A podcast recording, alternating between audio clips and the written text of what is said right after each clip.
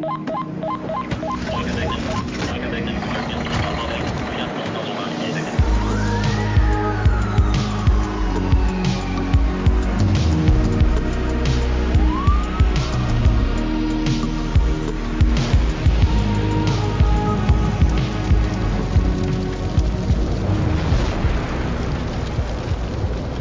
Hei og velkommen til en ny episode av Brannkast. I dag har jeg fått med meg Line og Karianne fra Feiermesternes Landsforening. I dag handler episoden om hvordan man skal bli brannforebygger. Velkommen Line og Karianne. Takk skal du ha, Eivind. Takk skal du ha. Ja, Så kjekt at uh, du ville snakke med meg uh, igjen, Line. Det er jo ikke alle jenter som uh, har lyst til å snakke med meg igjen. Og nå har du tatt med deg en ekstra. Så ja, hvem er hvem er dere? Nei, jeg kan jo ta meg først. Jeg er leder i Feiermesternes Landsforening i dag. Eh, og så jobber jeg til daglig i Norsk Brannvernforening. Ja, er jeg som heter Karianne Mælum. Jeg jobber jo i, um, i Nedre Romerike brann- og redningsvesen som uh, feierinspektør.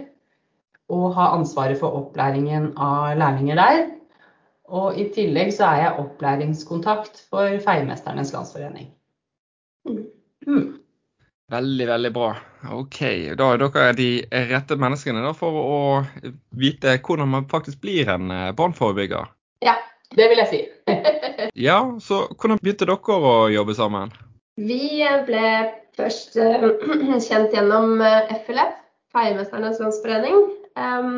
Der hadde vi begge et styreverv, og eh, så ble vi jo kolleger i NRBR når eh, vi begge jobba der. Og så er vi fortsatt kolleger i dag da, i foreningsarbeidet. Eh, og så har det utvikla seg også til et privat vennskap. Og jeg, når jeg møtte Karianne i foreningen, da, så var jo du Du hadde sittet der en periode før meg, så du var veldig godt kjent med foreningsarbeidet. og jeg oppfatta i hvert fall at du var veldig genuint opptatt av kompetanse og den felles forståelsen i faget. Mm. Støtta meg mye på der på å komme meg inn i hvordan man eh, drifter en forening. Da. Og så er du jo også min eh, forgjenger i ledervervet. Ja. Og en veldig god sparringspartner. Ja, og det syns jeg var gøy å få inn deg som en ny giv liksom, i faget òg, da. Eh, Line er jo en sånn eh, person som jeg beskriver nesten som Therese Johaug, som er sånn Duracell-kanin. Som bare våkner på morgenen og jobber fra morgen til kveld. Så det er kjempegøy å få et sånt nytt, uh, nytt innskudd der, holdt jeg på å si, i foreninga. Det gir meg mye motivasjon, da. Så det er gøy. Ja, vi er et bra team. Så Line girer meg litt opp, og så må jeg roe henne litt ned. Ja, det er helt sant. det er helt sant. Men vi jobber veldig bra sammen. Og jeg syns jeg blir mer kreativ eh, sammen med deg, da. Så du ja. klarer å lande noen baller. Takk i like måte. Det er en veldig sånn Vi har så lyst til å gjøre mye, og, og så er det så bra med alle medlemmene også at vi klarer å fange det nasjonale bildet, syns jeg. Og at det er mye engasjement fra tuppen av Norge og helt opp i nord. Så ja, kjempegøy. Og så er vi veldig opptatt av likhet i tjenesten og hva det innebærer å være brannforebygger for, eh, for, alle som jobber som det i hele Norge. Mm. Vi underviser jo begge på brannskolen. Ja. Mm. ja, det gjør vi. Så ganske engasjerte i hvert fall. da. Det, det vet jeg. Så bra. Engasjerte mennesker, det digger jeg. Og da vil en god duo bli en god trio. Så i podkasten om eh, pipebrann fortalte du litt om uh, faget, Line. Men du kan jo si litt om uh, fagets ja, sentrale verdier. Hvem er egentlig brannforebyggeren i samfunnet? Brannforebyggeren i samfunnet, det er jo en forlengelse av feieren. Det er jo navneendringen som kom helt på tampen i 2019, som har gitt oss det nye navnet brannforebygger. Det kom vel faktisk i 2020? 2020, ja. Unnskyld. Stemmer. og eh, det har vært en prosess å komme dit. Navneendringen har faktisk vært foreslått tidligere òg, men møtt litt sånn motstand. Det er mye stolthet i faget vårt. Feier, det står veldig nært hjertet mitt. Eh, en gang feier, alltid feier. Men brannforebyggerfaget og brannforebygger, det kjenner jeg meg veldig godt igjen i. Og det er jo de tilbakemeldingene vi har fått fra bransjen. Det er en mye bedre beskrivelse på hva yrket innebærer. Eh, og dette her er et eh, yrke med lang historikk. Vi eh, har jobbet med det å forebygge brann i mange hundre år. Kom først til Bergen på, på midten av 1600-tallet fordi det var store bybranner. Og feieren hadde i oppgave å forebygge brann, og selvfølgelig i forbindelse med fyringsanleggene, som ofte var årsaken til brannene. Og den eh, byggingen vi gjorde i gamle dager, det var jo vi bygde boligene tett.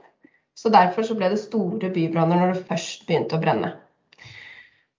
Så Feieren har vært med i historikken fra tidenes morgen når det gjelder brannen i Norge, og også vært med på å utvikle det brannregelverket som er. Og brannregelverket i Norge det har jo hele tiden vært i tråd med det man har lært av brannene. Eh, at vi ser at vi måtte bygge annerledes og vi måtte sikre oss bedre.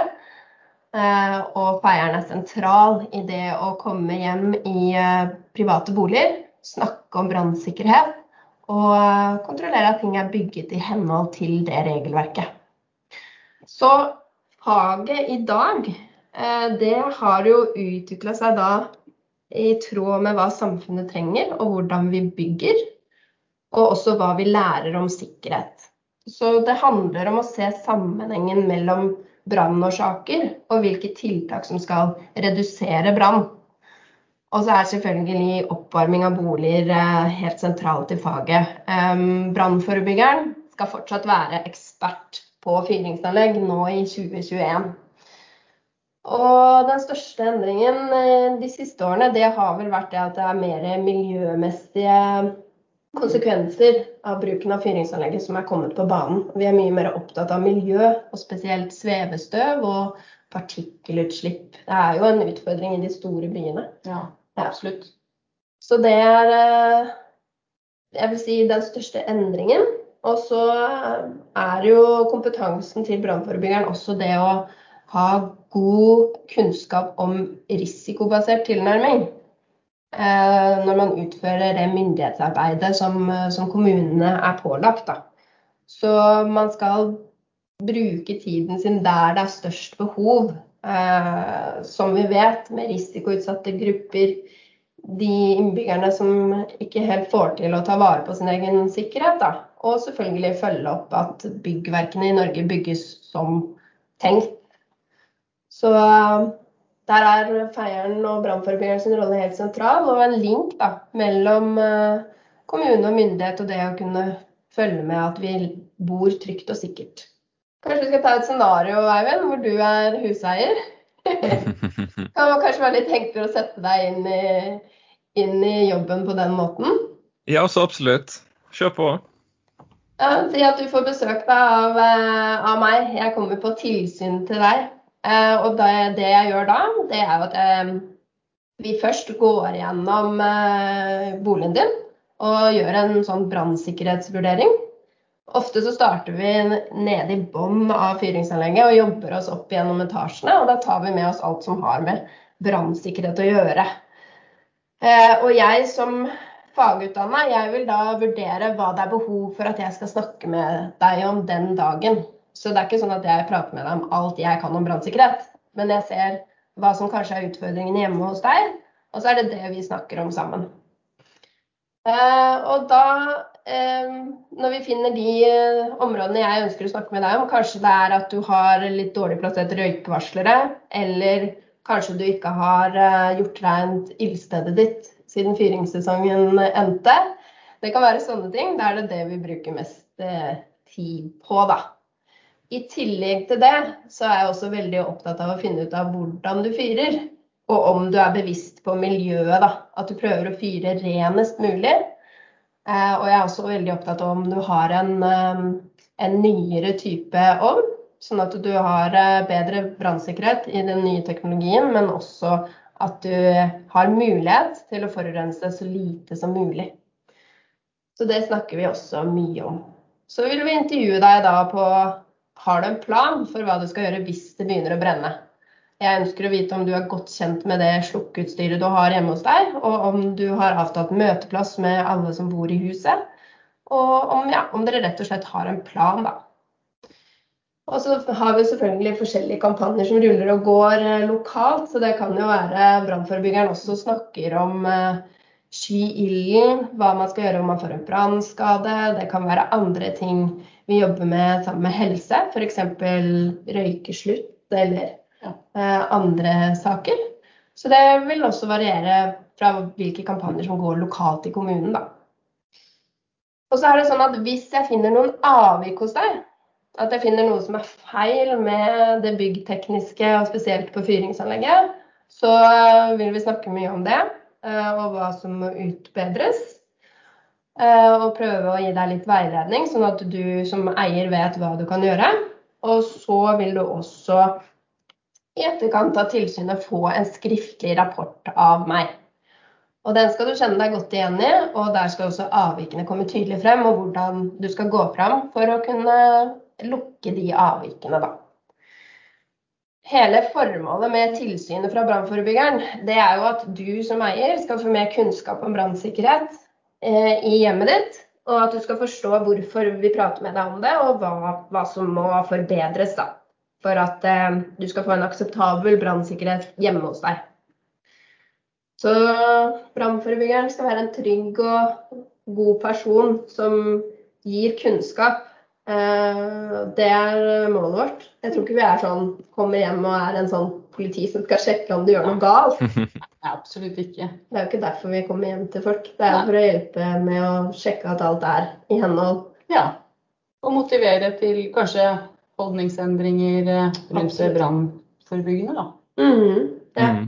Absolutt. Det er jo en utrolig viktig jobb at uh, det ikke sørger for at ikke ting skjer. Da, og gjøre, obs, um, gjøre, folk mer obs på at det ikke skal skje, rett og slett. Folk blir jo ganske sløve hjemme. Mm. Ja, det er det. Man tenker ikke helt over brannsikkerheten hjemme. Vi er ofte veldig gode på jobb og, og på skolen og sånne steder. På å ha rutiner, i hvert fall. Mm. Mens hjemme mm. man det litt. Ja. Ja, og spesielt med sånn røykvarsler. Det, når det er f.eks. en ut, utgåtsdato på Eller utløpsdato da, på, eh, på disse røykvarslene, så når det har gått ti år, så har du nesten glemt at du har den. ja. De henger der bare. mm. Ja, og plasseringen deres er jo igjen vi veldig opptatt av. Det å kunne vurdere hvor er det røyken vil gå i dette huset hvis man får en brann på kjøkkenet, eller hvis du får en brann på soverommet. Så man tenker litt over det, da. Og snakke litt med brannforebyggeren om det på tilsynet. Det er veldig øker jo kunnskapen um, godt. Ja, så absolutt. Jeg må nesten spørre, jeg har jo egentlig et tilleggsspørsmål. Eh, det heter jo brannforebygger, men så har vi også andre navn, da. Eh, Eh, heter det nå altså Før het jo det Feiesvenn og Feiemester. Eh, blir det da Brannforebyggersvenn og Brannforebyggermester? ja. Det blir det? Altså at navnet nå er brannforebygger, det følger jo den utdanningen du tar. Men så mm. er det jo opp til brannvesenet hvilke titler man uh, har på jobben. Ja. Så du kan jo ja. utdanne deg til mye forskjellig, men det er ikke sikkert du får den tittelen på jobben din. Så uh, men for å svare deg på spørsmålet. Eh, vi har snakket med Mesterbrevnemnda, og de også sier at man, det er naturlig å få mesterbrev i det faget man har tatt svennebrev i, da. Mm. Så mest sannsynlig vil man jo bli mester i brannforebyggerfaget. Um, når de som er det, kan søke om mesterbrev, da. Ja. ja. Hvis du kan kalle det hva du vil, så kan du kalle deg sjøl eh, eh, Firemaster eller noe. ja, og det er jo også brannmester, ikke sant. Og det er jo så mange forskjellige titler i de forskjellige brannvesenene i Norge. Så noen mm. som er feirinspektør, mens noen er mm. eh, feirformann. ikke sant? Alle disse her vil jo kanskje med tiden byttes ut til å ha noe med brannforebygger å gjøre i stedet, da. Ja, så absolutt. Det er vi absolutt på jobben nå. Så vi er midt i en sånn prosess. Ja, mm. mm. og det er det mange som er. Og så er det noen som har vært uh, før sin tid òg, som allerede har gjort det. Så... Ja. Men hva det vil stå på selve svennebrevet, det er jeg jo litt usikker på. Om det er svennebrev i brannforebyggerfaget, eller om det er Det vil det stå fra 2024. Ja. Mm. De som begynner nå etter august, er det ikke det? Eller fra, ja. Fra nå i sommer? De som søker seg til faget fra høsten av, de vil bli utdannet i brannforebyggerfaget. Ja, høsten eh, 2021. Yeah. For de som hører litt senere. Ja, det er ja. Mm, så hva kreves for å bli en sånn eh, brannforebygger, da? Jeg mener jo det at det aller viktigste er vel det å ha en god evne til å drive kommunikasjon. Og det å kunne tilpasse seg forskjellige typer mennesker. Da. Eh, man må prate litt forskjellig med forskjellige mennesker. Selv om det sies at alle skal behandles likt, så må man gjøre det på litt forskjellige måter. på et vis. Eh, og i tillegg så er det jo viktig at man har gode norsk skriftlige egenskaper. For vi skriver jo litt rapporter etter vi har vært hos, eh, på tilsyn da, eller feiing. Absolutt. Man må kunne skrive godt. Mm. Det er litt vesentlig. Og så er det greit å være i god eh, fysisk form. Like å være i aktivitet og det å hjelpe folk. Og det er jo ikke dumt å være litt kreativ og løsningsorientert. det. det kommer alltid godt med. Ofte så jobber man jo sammen i team, men det er også greit å kunne være selvstendig. Så det er litt sånn Ja, selvgåenhet tror jeg er en greie i brannvesenet. At man liksom har en forventning om, om Ja. det å være selvgående. Og, mm, og når det kommer opp, eh, når man oppdager liksom at det, det er forbedringer, så at man tar tak i det. da. Ja, Ja. absolutt. Mm, ja. Og en, eh, en vanlig dag da for en, eh, en brannforebygger, hvordan, hvordan ser den egentlig ut da? Oh, jeg vil jo si det det er jo alltid god stemning. Det er sånn jeg opplever det. Og godt arbeidsmiljø. Eh, Jeg har jo jobbet først eh, en del år i Oslo brannvesen, før jeg begynte i Nedre Romerike. Og det er en sånn eh, ting begge de to stedene i hvert fall, at det er godt humør, mye spøk og moro. Men veldig profesjonalitet når vi er ute, da. Eh, Hos kunder, selvfølgelig. ja, da kommer litt mer den myndighetssiden frem. Ikke sant? Ja. Men da må man jo også være folkelig. Tilpasse seg folk. Ja. Og Mens med en gang de ikke ser, så, så er det tilbake igjen til Ikke sant?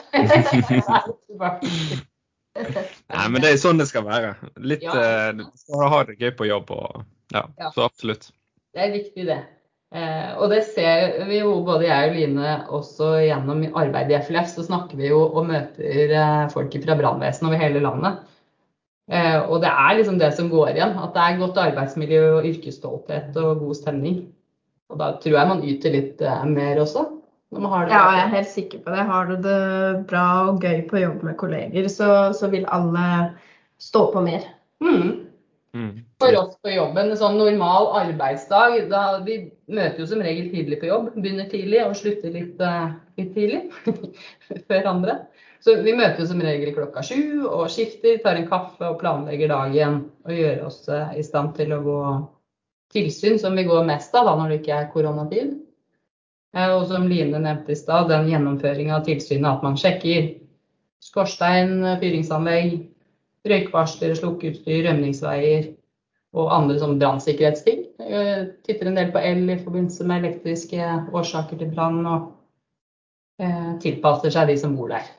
Så kommer vi, vi gjør i hvert fall det sånn at vi som regel kommer inn på brannstasjonen til en felles lunsj. Det er jo veldig hyggelig å kunne treffe folk igjen da. Og så etter lunsj så drar vi enten ut på tilsyn igjen, eller eventuelt om det er noen feiringer som står for tur. Men noe av eh, dagene går jo også med til registrering og sitte inne og skrive rapporter foran PC-en. da. Mm. Og alltid å avslutte dagen på brannstasjonen. På arbeidstid.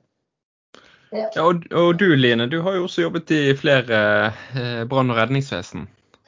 Ja, det har jeg. Jeg startet min karriere i, eh, i Kongsberg brann og redning. Um, tok læretiden der. Og hoppet så til et brannvesen som het Østre Romerike brann og redning. Og så ble vi slått sammen, merget sammen med Nedre Romerike brann og redning. Så jeg har vært noen runder. Jeg har også jobbet ett år i privatveivesen i Asker. Eh, Men jeg er enig med Karianne. Det er eh, yrkesstolthet, mye humor og samhold. Og så er det høy aktivitet, så det der med at du må like å være aktiv, like å være ute og treffe folk, og virkelig bry deg om, eh, om at andre skal få det bedre etter at du har vært og besøkt dem, det tror jeg er helt sentralt. Mm. Det må du like. Uh, ja, det er jo den der proffe tilstedeværelsen når vi er ute og treffer innbyggerne. For da er det Man må være veldig bevisst på at man faktisk er myndighet, og man skal være ydmyk i jobben sin som, eh, som en myndighetsutøver. Og det er kanskje ikke alle som er klar over det, men eh, når du har utdanna deg som feier og brannforebygger, så er du også en fullverdig saksbehandler. Så vi følger jo også forvaltningsloven og skriver rapporter. Eh, altså tilsynet, det er jo Tilsynet er jo ikke bare et besøk fysisk ute hos innbyggerne.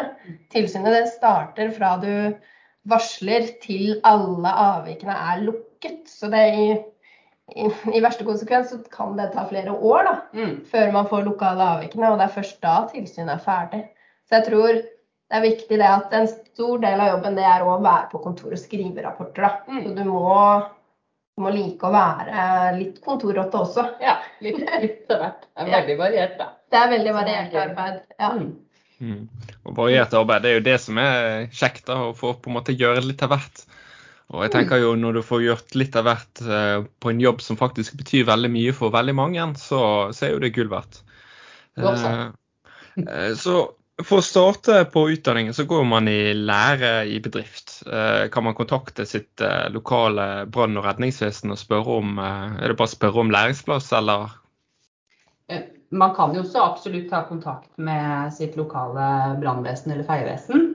Eh, Den normale veien å gå er jo at man når man er ferdig med 10. klasse, eller 10. trinn heter det kanskje i dag, så, eh, så har man ett år på bygg og anlegg, Mm. og så tre år i lærebedrift.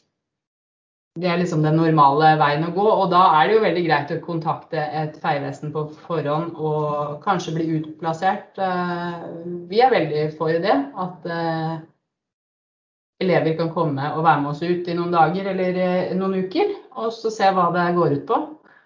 Det gjør at vi kan bli kjent med dem, og dem kan se om dette faktisk er noe for dem, da. Ja, sånn eh, arbeidsuke, tenkte du? Eh, Så, Ja, ja. Og de som går på bygg og anlegg, det er ofte vi har i Nedre da utplassert en eller flere elever en gang i uka over et halvt år. Okay. Så det er en del av skolegangen deres da, på bygg og anlegg. Men det er også klart at hvis man velger en annen retning, eh, at man ikke vet når man går i 10. klasse helt hva man vil bli, og at man begynner på en annen eh, utdannelse, ta studiespesialisering f.eks., så går det også an å søke seg inn som lærling i brannforebyggerfaget. Men da vil man få et halvt år eh, ekstra læretid, så da blir det tre og et halvt års læretid. Jeg fikk det, for jeg hadde jo bare allmenn. Ja, så, så da fikk jeg litt lengre læretid. Men jeg tror jeg trengte det. Ja, men det, ja, det er jo noe med det. Jeg visste jo hva jeg skulle bli når jeg var fire år, så det var ikke noe problem for meg å velge riktig vei. Deilig. Ja, du er heldig der. Det tar lang tid, eh, det tar lang tid for noen, da. Så, men jeg tenker jo også at det, det er ikke for seint å velge yrke når man er gammel heller. Altså, man kan jo sikkert bli brannforebygger når man er litt eldre, eller? Ja, absolutt. Ja. Man kan eh, gå som voksenlærling, eller det som vi kaller praksiskandidat.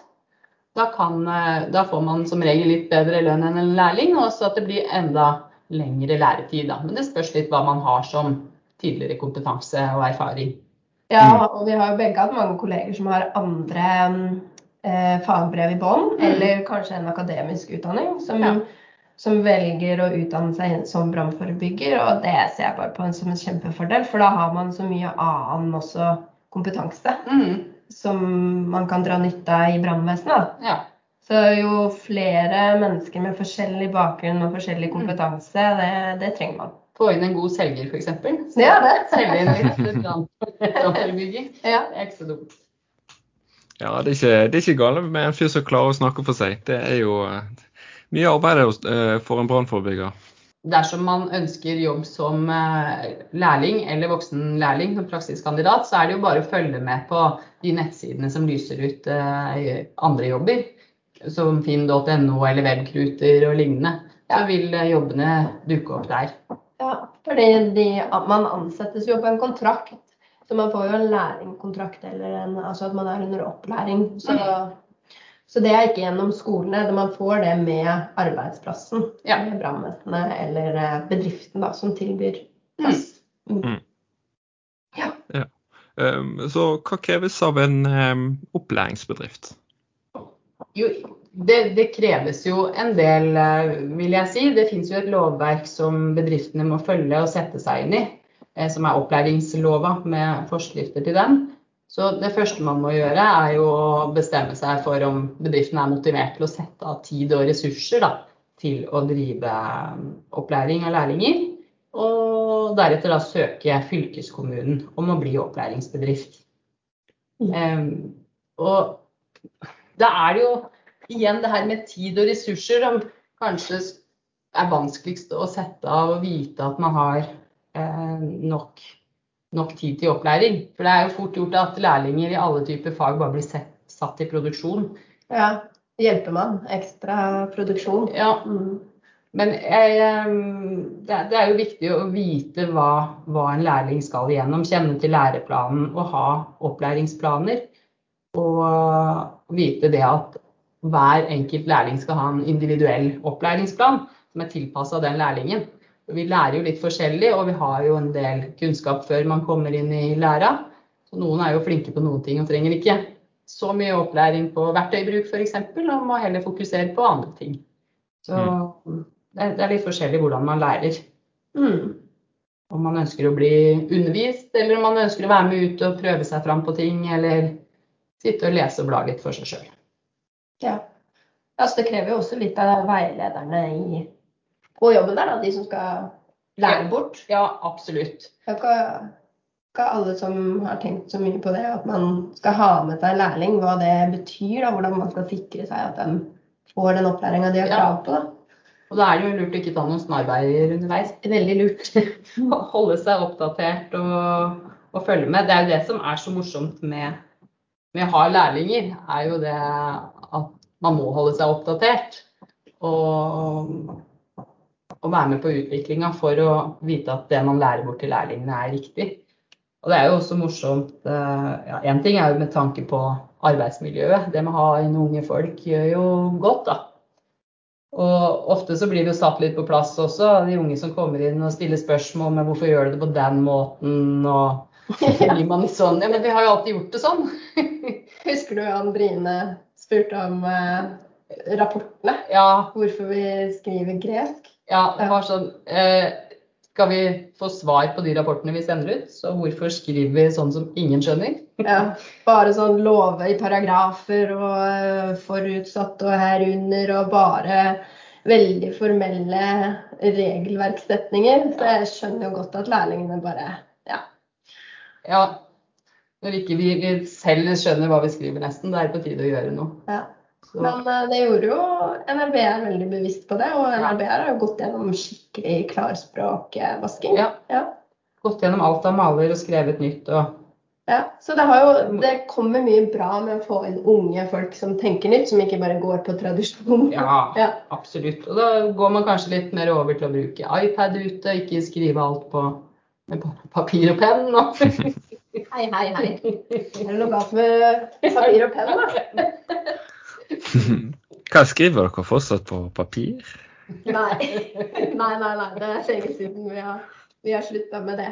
Ja, men det, var en, eh, det, var, det er ikke veldig lenge siden man hadde opererte med sjekklister. Eh, men det var jo også mest for å huske hva man da skulle gjengi rapporter og sånn. Mm. Men det har absolutt blitt eh, mer fokus på digitalisering også. Ja. ja. Det er veldig bra. Ja, Det går jo sikkert litt fortere og litt, litt lettere. Mye enklere når man først eh, kommer inn i det. Ja. Og da er det flott å ha noen, eh, noen yngre mennesker òg som kan lære de litt eldre også motivere. Så det er bra. Absolutt. Det er litt sånn Jeg så det på Jodel her om dagen. Det er sånn Å, det er så godt vi har en dataekspert på jobben.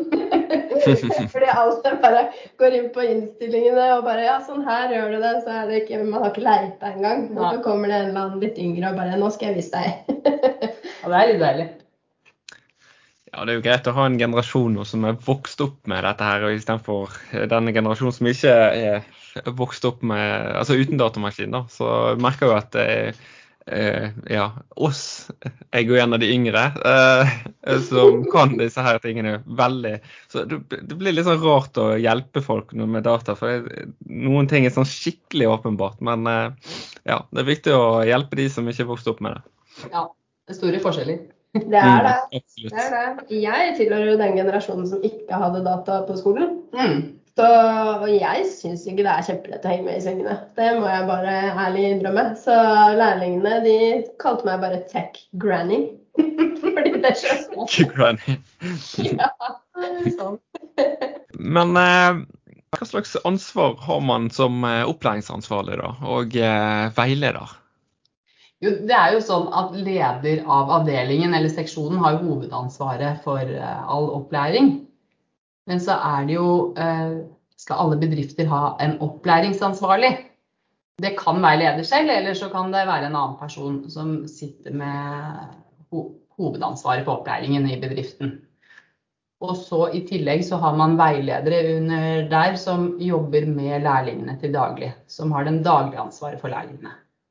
Og sammen så er jo da opplæringsansvarlig og veiledere eh, skal samarbeide om å gjennomføre møter og oppfølging av lærlingene, sånn at man ser at de kommer seg gjennom opplæringsplanen i tide. Ja, og så er det jo litt forskjellige utfordringer i, i eh, opplæringsstedene i Norge. Fordi noen brannvesen og bedrifter er store, mens noen er mindre. Og der kan man ofte ha flere roller. ikke sant? Spesielt oppe i nord så har man jo, kan man jo kanskje være alene og ha lyst til å ha inn en lærling. Eh, Og da blir det jo masse ansvar på den ene personen. Mm. Men eh, foreningen vi, vi vil tilby kurset fra høsten. Ja.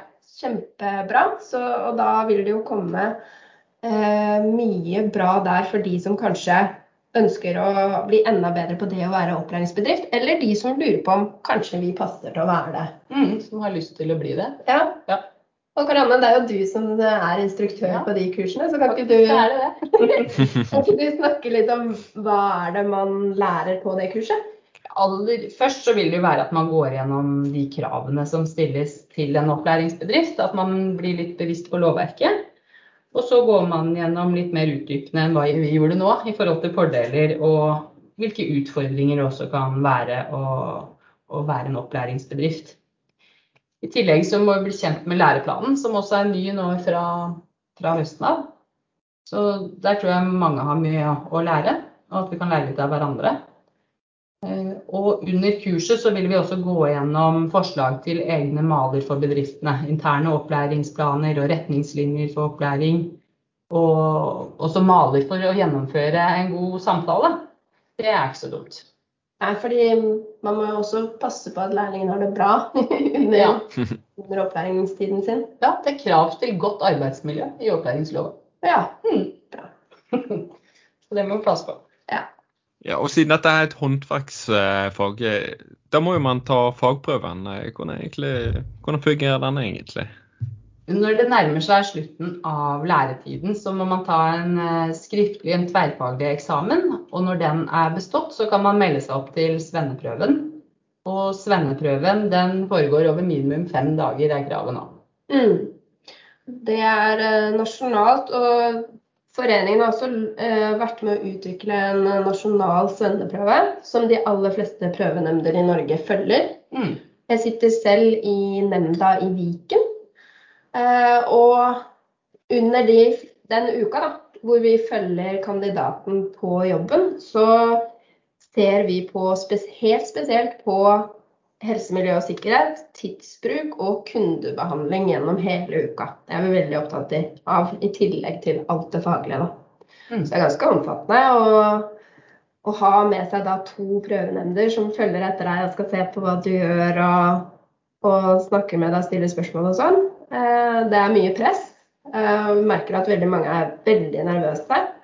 Men jobben til nemnda det er å legge til rette for at kandidaten kan vise seg fra sin beste side. da, Og hjelpe til å spille, spille kandidaten god. Mm.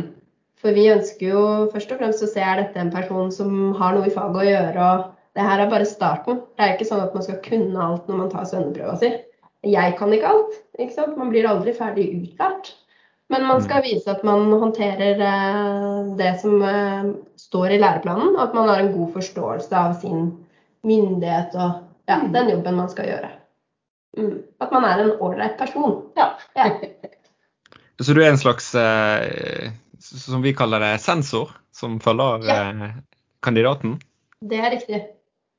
Ja, OK. Du driver litt med alt. vet du. Ikke litt med alt, du driver mye med alt, faktisk. Det er en av de. Ja. Ja, men det er nå bra. Eh, men eh, etter du, du nevner jo dette her med at eh, en, en brannforebygger som har tatt eh, fa- eh, fagprøven, eller svenneprøven, da eh, ikke skal kunne alt. Altså, hvordan er det med kompetansepåfyll eh, for ferdig utdannede brannforebyggere? Altså, hvor henter Ja. man mer læring? Ja, forstå meg rett. Du må jo kunne Du skal jo vise at du, du kan de kompetansekravene som står i læreplanen. Men eh, det jeg mener er at man blir aldri ferdig utlært. Fordi eh, faget utvikler seg. Vi, byggene vi bygger, eh, de utvikler seg. Bygges med forskjellige materialer. Vi vil ha forskjellig stil på husa. Vi vil ha forskjellig fyringsanlegg. Og der òg skjer masse med teknologien. Så du må henge med i svingene. Du må klare å følge med på hva er det som rører seg i markedet. Og så må man også være god på å lære av de brannene som har vært, og lære av de utfordringene som man har lokalt da, i kommunen. For det vil òg variere i hele Norge da, hva som er utfordringene med tanke på brannsikkerhet. Eh, så du må følge med. Eh, og foreningen er jo, det er jo en av de viktigste arbeidene vi gjør. At vi hjelper medlemmene våre med å få kompetanseheving. Så vi arrangerer jo da forskjellige kurs, og det kommer til å komme flere kurs også nå som vi har fått eh, en revidert læreplan. Ja. Og så har vi jo også den største konferansen som holdes sånn i brannregi i Norge, eh, som heter Miljø- og brannforebyggende konferansen. Og den arrangerer vi annethvert år. Ja. Og den kommer i år, og den er da fra 29. til 30. november 2021. Vi måtte flytte den pga. pandemien. Vanligvis er den nå i, i mai-juni-sjiktet. Og så finnes det også flere konferanser selvfølgelig, som alle i brann- og redningsvesenet kan delta på. Eh, Vi har også en egen konferanse rettet mot ledere og de med økonomisk ansvar for feiertjenesten eller brannforebyggertjenesten. Så vi vil også anbefale på det sterkeste å delta på FLF ledelse- og organiseringskonferanse. Da kan vi reklamere for feiemester.org. Ja, Den nettsiden, der vil jo mye informasjon stå. Der ligger alt av info fra foreningen. Og, men det er viktig også å nevne at det er mange andre gode konferanser også. Og mange regionale samarbeid. Og jeg føler at brannvesenet har blitt mye bedre på tverrfaglig samarbeid også. Man prøver å komme sammen på tvers av kommunegrenser og, og etater og jobbe sammen og lære sammen.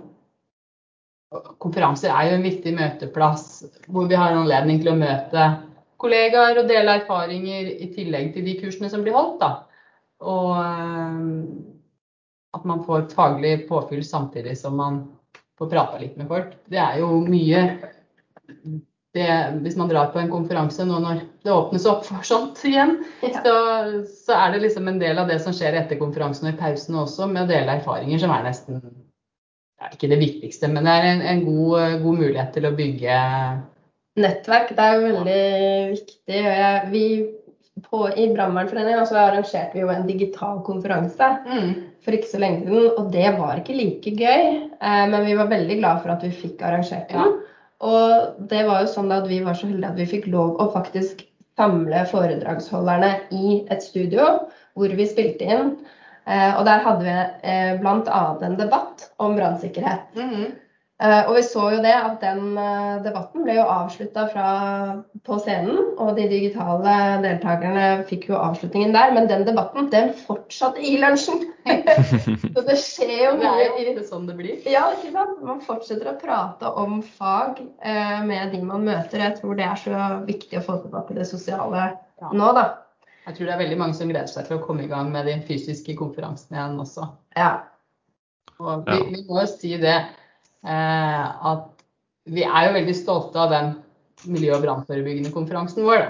Ekstra Veldig stolte. Vi er heldige å ha så mange trofaste og fine medlemmer som er superengasjerte, som kommer. Så den konferansen har vokst enormt. Og så har det også blitt en eh, større interesse fra ledelsen i brannvesenet, og også de andre brannforebyggerne. Alle som jobber med brannforebygging. ja. Og det er jo alle. Også brannkonstablene, tenker jeg, og de som jobber på 110-sentralen. ja.